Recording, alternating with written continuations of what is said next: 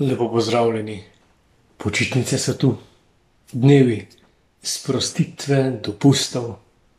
Ali smo še vedno negotovi, najprej kam iti na počitnice, na dopust, se bodo razmere sprostile, zaostrile, po drugi strani pa čudno šolsko leto je za nami. Saj niti v šoli zares nismo bili, sem slišal. In ja, zato bo morda kakšen odmik prišel toliko bolj prav.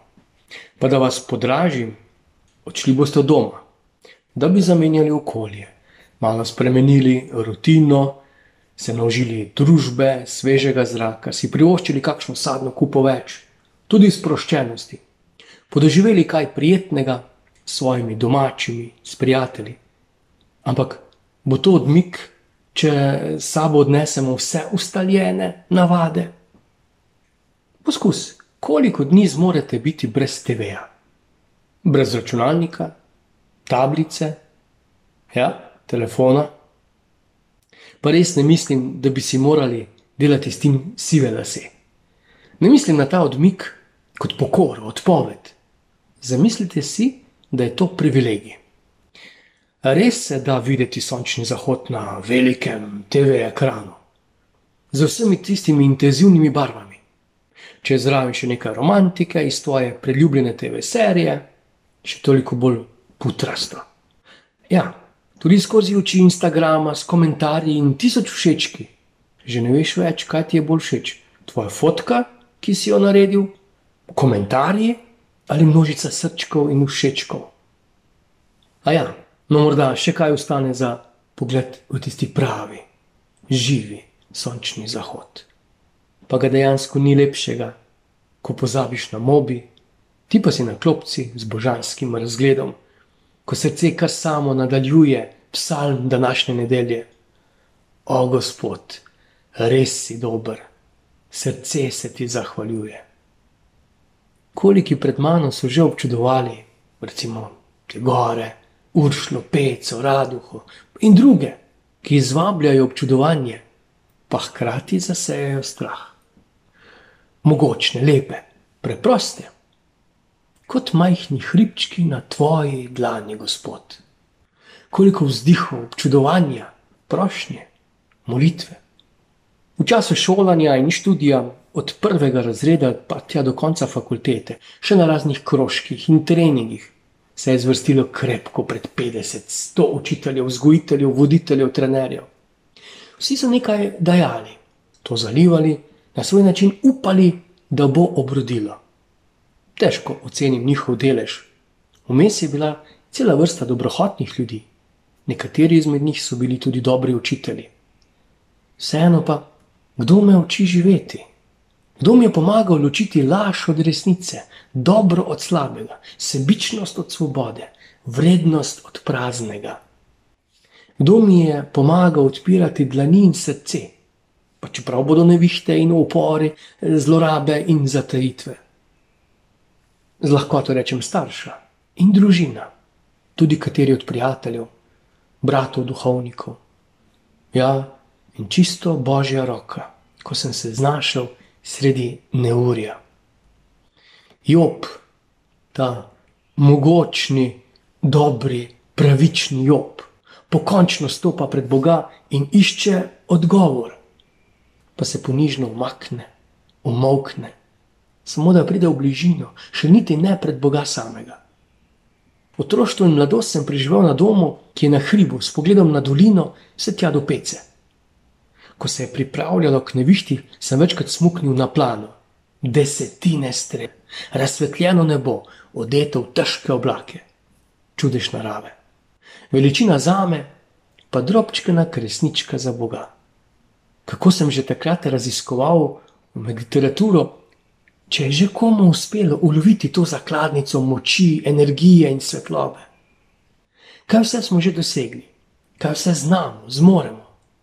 Rodovnike sestavljamo tja do Alama in še nazaj, malo se tam lovimo še z manjkajočim členom, razbijamo atom, se sprehajamo po Marsu, v puščavi gojimo paradižnik, iz globočin zemlje izvabljamo magmo, pa vendar z jobom ponižno umoknemo.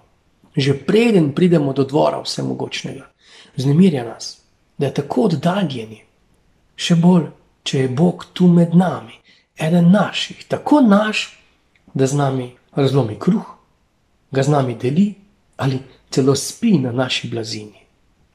Bog, ki spi, moj Bog spi, ko jaz iščem službo, moj Bog spi, ko prosim za svojo prihodnost. Moj Bog spi, ko že stotič poskušam izkoreniniti svojo razvado in svoj greh. Moj Bog spi, ko v ključnem trenutku odpovem. Moj Bog spi, ko senca dvoma prekriva nežno sonce vere. Moj Bog spi, ko padam v obup in maščevalnost in zamero. Moj Bog spi, ko spet mislim samo na sebe. Moj Bog spi, ko mi je več moja čast kot resnica. Moj Bog spi, ko se zapletam v užitek in se pogrezam. Moj Bog spi, ko sem že skoraj naredil odločitev vere. Moj Bog spi, bi se lahko nadaljevale litanije mojega življenja ob spečem Bogu. A je to morda moj Gecemani, ko je on bedel in molil in smo mi pospali? Je to morda oblak na gori tabor, ko ni več jasno, kako in kaj naprej? Morda bi kar ostali tukaj. Je to predokus njegovega prihoda, ko je kot ustali prišel, nagovoril množico bratov, pa so mnogi vseeno dvomili.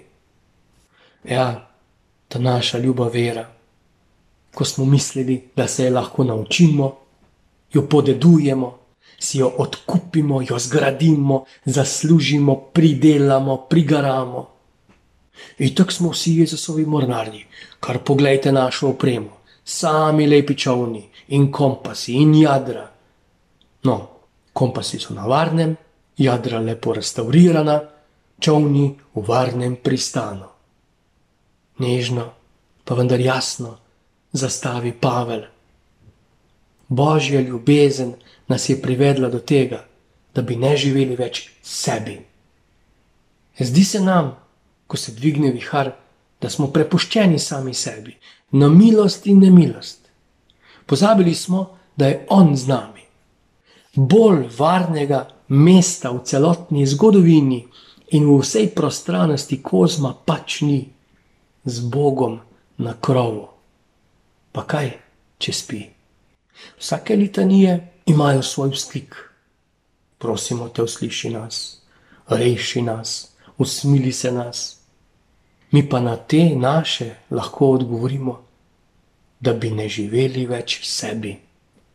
In če so litanije molitev in je molitev pogovor, potem te litanije moli tudi On, moj Bog, se pogovarja preko njih z nami. Mogoče pa se z njegove strani sliši, vidi in ljubi drugače. Saj se že današnji evangelij začne pripeljimo se na drugo stran. In ko stajajo pomisleki in dvomi, in naši diplomatski, verski odgovori in predlogi, in ko začnemo poučevati samega Boga, ga katehizirati, se zasliši utihni, molči.